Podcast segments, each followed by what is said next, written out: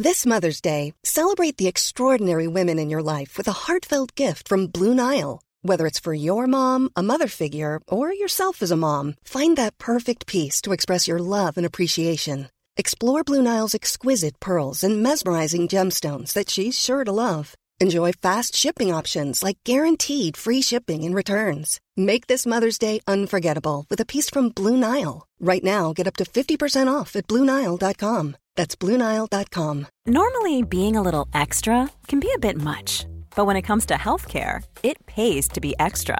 And United Healthcare makes it easy with Health Protector Guard fixed indemnity insurance plans. Underwritten by Golden Rule Insurance Company, they supplement your primary plan, helping you manage out of pocket costs without the usual requirements and restrictions like deductibles and enrollment periods. So when it comes to covering your medical bills, you can feel good about being a little extra. Visit uh1.com to find the Health Protector Guard plan for you.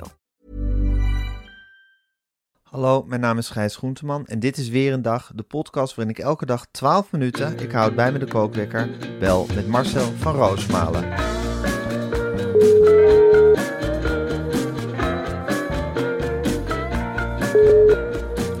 Ja, met Marcel Gijs. Ja. Goedemorgen. Goedemorgen. Ik punt uh, zet te gaan. Dus, eh, nou, even naar het licht kijken. Er zijn pollen in de lucht. Het is weer lente hoor. Oh god, krijg je dat weer? Heb je dat Ja. erg? Heb je, ben je een erge hooikoorts eh, patiënt?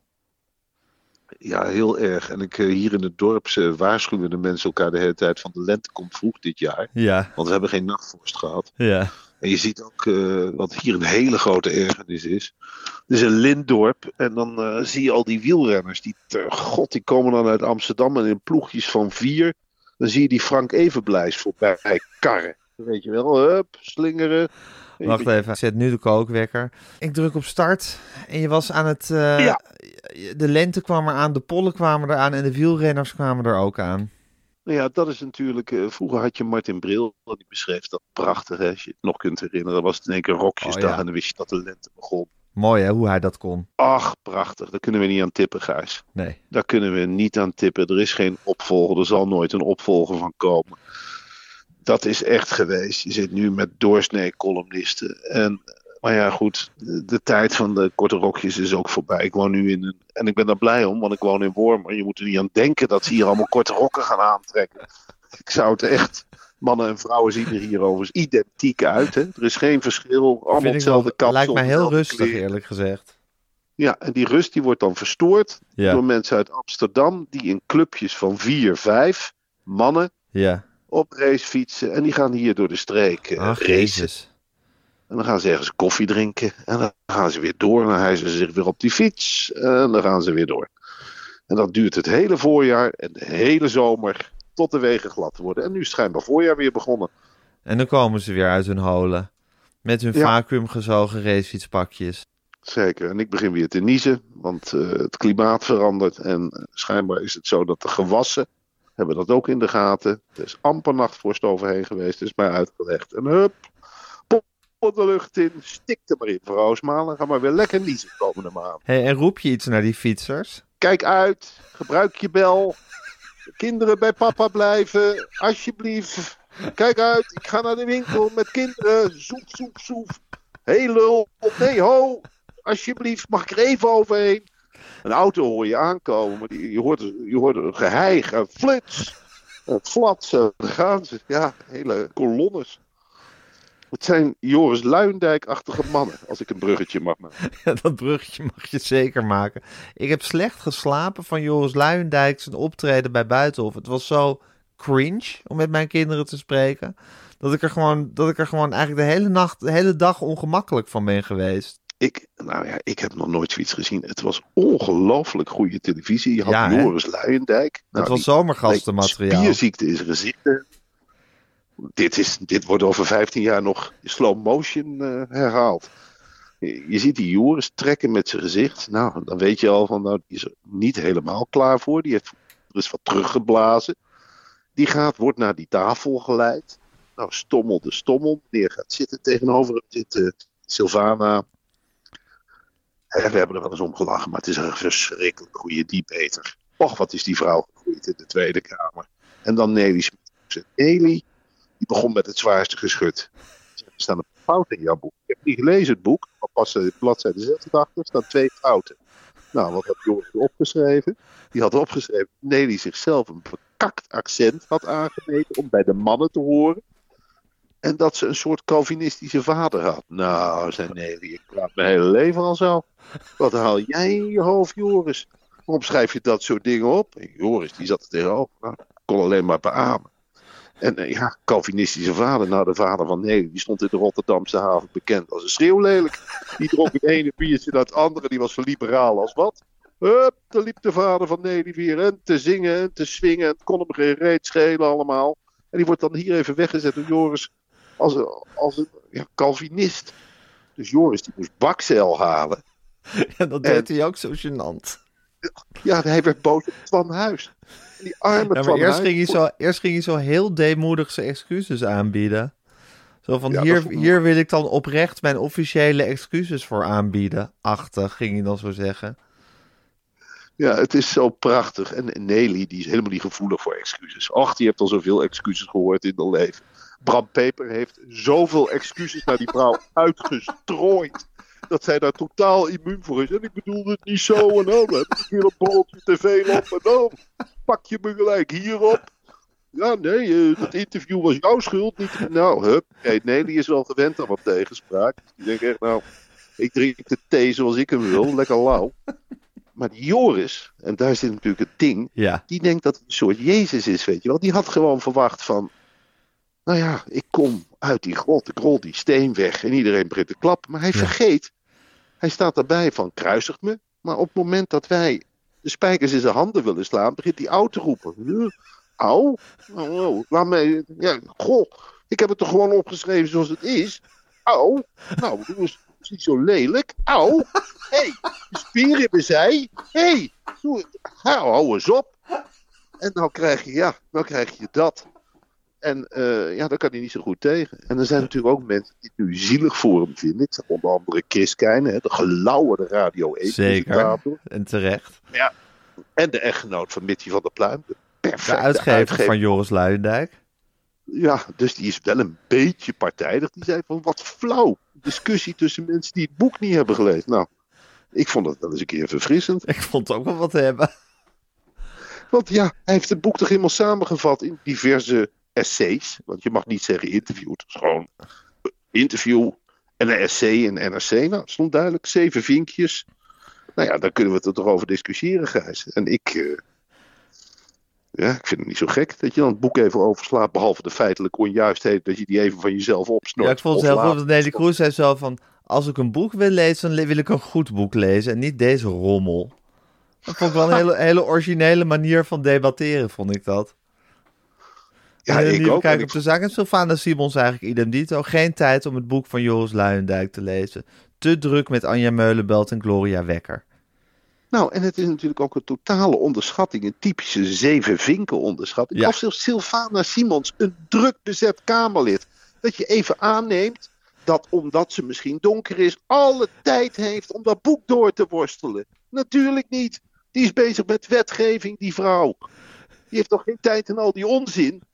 Zou wat zijn dat ze ieder boek moet lezen waar ze Ja. het over heeft. En het Kom nou. goede was dat Joris Luijendijk dus zo heel nederig werd tegen Sylvana Simons en Nelly Kroes. En toen als een soort compensatie zijn pijlen ineens op Twan Huis richtte. Ja, dat was totaal onterecht. Twan Huis, weet je. Natuurlijk, dat is een ontredderde interviewer en die heeft vaak gefaald. Maar nu zat hij bovenop de bok. Hij had de zweep in de handen en hij zat, huppakee. En hij dirigeerde het hele interview. Nu jij, Nelly. En nu jij, Sylvana. Mag jij wat terug zeggen, Joris? En dan kon Joris niet tegen. Die dacht, huh? zijn hier twee mannetjes in de kooi? Ik was toch de leider van de roedel? Ik zat er boven op de rots. Neemt Twan het nou over? En er is ook nog een zeven vinkenman. Huh? Huh. Je bent een slechte interviewer, zei hij op een zeker moment als verweer. Ja, Ja. Nou, zo zout heb ik het nog niet gegeten hoor. Echt Nee. een interview niet. ongelooflijk. Jezus Marcel. Nou, en Ajax is over Vitesse heen gelopen vorige week en nu weer over FC Twente. Ik moet zeggen, Ja. knap gedaan van ze hoe ze, zich, eh, hoe ze zich herpakken na het drama dat de club heeft geteisterd. Hè? Ja, het is heel leuk dat de Ajax zich heeft, heeft herpakt, tenminste op het veld. Hè. Want Ja. we hebben natuurlijk ook nog te maken met, eh, Edwin van der Sar, over wie ik wel een hele felle column heb geschreven gisteren. Maar goed, dit Ja, terzijde. Je hebt even flink Edwin. uitgehaald naar Edwin van der Sar. Ja, dat is ook een beetje een persoonlijke irritatie, die Edwin van der Sar. Het is zo, ik vind de man zo onnozel. Dat hij, dat hij, nu, ook, dat hij nu ook in een interview eh, stond in de Gelderland en zei van... eh, ja, ik heb ook veel vrouwen gesproken die het leuk vonden om bij Ajax te werken in deze tijd. Ik denk, ja, dan snap je het nog steeds niet helemaal, weet je wel. Of, of zit ik er nou helemaal naast? Ja, Ja, heb jij meegekregen, dat greep mij ook heel erg bij de keel. Glennis Grace, of heet ze Glennis of Gladys? Glennis. Glennis, ja, nou die heeft eh, Die is helemaal uit het dak gegaan, hè? in de Jumbo. Ja. Wat, heeft ze, En, wat, wat eh, is er precies gebeurd in de Jumbo? Ja, het zat bij mij achter de be- betaalmuur van de Telegraaf. Heb jij het meegekregen? Ik heb meegekregen, eh, nou ja goed, zij is natuurlijk heel erg gestrest omdat ze ja, die, haar verdienmodel stopt, hè, The Voice. Ja, Ja, ook een slachtoffer. Natuurlijk is ze ook een slachtoffer. En ik, ik ken dat wel. Dan met die stress in je lijf, ja, moet je ook je dagelijkse dingen doen. Ja, want zij was, ik zij, niet zij, doe. zij was haar eerste jaar als jurylid van The Voice ingegaan. Dat zou net allemaal lekker losgaan. Hele Voice gecanceld. Glennis Ja, ook. hele voice. Ja, natuurlijk. eh, voice kapot, zij kapot. En met die stemming, ja. Je loopt toch met een andere portemonnee naar de supermarkt. Ik ken dat gevoel heel goed. Hoe vaak ik niet woedend ben op de wereld. Als, en dan zit ik smiddags een column te schrijven. Dan denk ik, ja, wel een flauwe column zeg. Ik ga wel even boodschappen doen. Maar ja, dan loop ik naar dat dorp, die dorpsfomar. En dan begint het gezeik. En pak eens een kakje, hou eens afstand. eh, zit je mondkap scheef. En dan moet je duwen, trekken met die andere mensen. Van, ik was eerst bij de hagelslag. Er zijn nog maar drie pakken. Nou, die wil ik alle drie. Nou, ik wil ook hagelslag. En dan, ja, al snel is er een vuistgevecht of iets. Heel logisch. Nou, de zoon van Glennis had schijnbaar gewoon een sigaretje aangestoken. 15-jarige zoon die was gaan roken in het gangpad. En dan zul je Jumbo-medewerkers hebben die daar dan eh, meteen met vier man erop af. Van, maak jij je sigaretten uit, jongen? Nou ja, zij zat met die stress van de voice. Dus zij zegt dan van, nou oké, dan kom ik wel met een knokploeg terug. Het is een gevecht geworden, Gijs. En eh, maar ja, er is uitgebreid verslag van gedaan. Meerdere gewonden. Maar zij is wel weer de dupe. Je kunt Moeten deze ze weer hebben? ja, die moeten ze dan weer hebben. En je kunt deze affaire niet op één hoop gooien, bijvoorbeeld met Lil Kleine. Want die heeft eh, eh, het hoofd van Jamie Vaas, dat is zijn vriendin, tussen een autoportier eh, gedaan. Dat is dan weer gefilmd door die Yvonne Koldermeijer. Of die heeft de camerabeelden opgevraagd. Door een spion. Dus de spion heeft gezien dat Lil Kleine met het hoofd van Jamie Vase ja, iets met de autodeur heeft zitten rommelen. Kan natuurlijk niet door de beugel. Meteen die Jim Buckham, hè, die musicalster. Eh, die meteen op, eh, heeft ook weer gereageerd op een of andere socials. Van artiesten stoppen nou toch mee. En eh, zo behandelen we de moeders van onze kinderen niet. En houdt artiestenvak rechtop. Dus er is wel behoorlijk wat aan de hand hoor in de wereld. Dus Jim, Jim Buckham is voor Jamie Vaas in de bres gesprongen eigenlijk. Maar Ja. ho- hoe lang laat die Jamie Vaas zich nog mishandelen door Lil Kleine? Op een gegeven moment zeg je toch ook van, nou nu is het een keertje genoeg. Ja, dat zou je wel zeggen. En, eh, Oh god. nou, dat is wel goed dat we op dit moment Ja? wekker. Vond je het wel een goed moment? Jawel, want ik ga me natuurlijk nu uitlaten over het eh, privéleven van de bekende Nederlander. En daar hou je helemaal niet van. Ik, ik wacht liever tot de feiten op tafel liggen. Ik ben niet. bent echt eh, een man van de feiten. De feiten staan je- bovenaan voor jou. Feiten eerst, maatregelen daarna. Dat is eh, voor mij de juiste volgorde. Als je ergens een rookpluim ziet, Gijs, dan wil dat niet zeggen dat er meteen een vuurtje is. Denk daar maar eens over na. Dat kan ook, Een rookpluim kan ook iets van iets heel anders komen. Hè? Van een kacheltje. Van ja. Of wat ja. Of dat je gewoon een georganiseerd vuurtje. Dat kan ook nog. Padvinders kunnen ook een vuurtje maken. Niet meteen een pyromaan. Dus je hoeft er niet meteen met de brandweer heen. Je kunt ook eens gaan snuffelen eerst in het bos. Van hé, hey, wat ruik ik? Is dat vuur? Oh, zitten jullie brood te bakken? Dan is het goed. Maar je hoeft niet meteen te spuiten. En weg jullie, weg. Oké Marcel, ik, eh, ik spreek je volgende, of, volgende week morgen.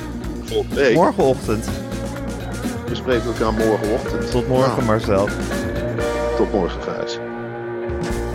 Dit was een podcast van Meer van Dit. Wil je adverteren in deze podcast? Stuur dan een mailtje naar info@meervandit.nl.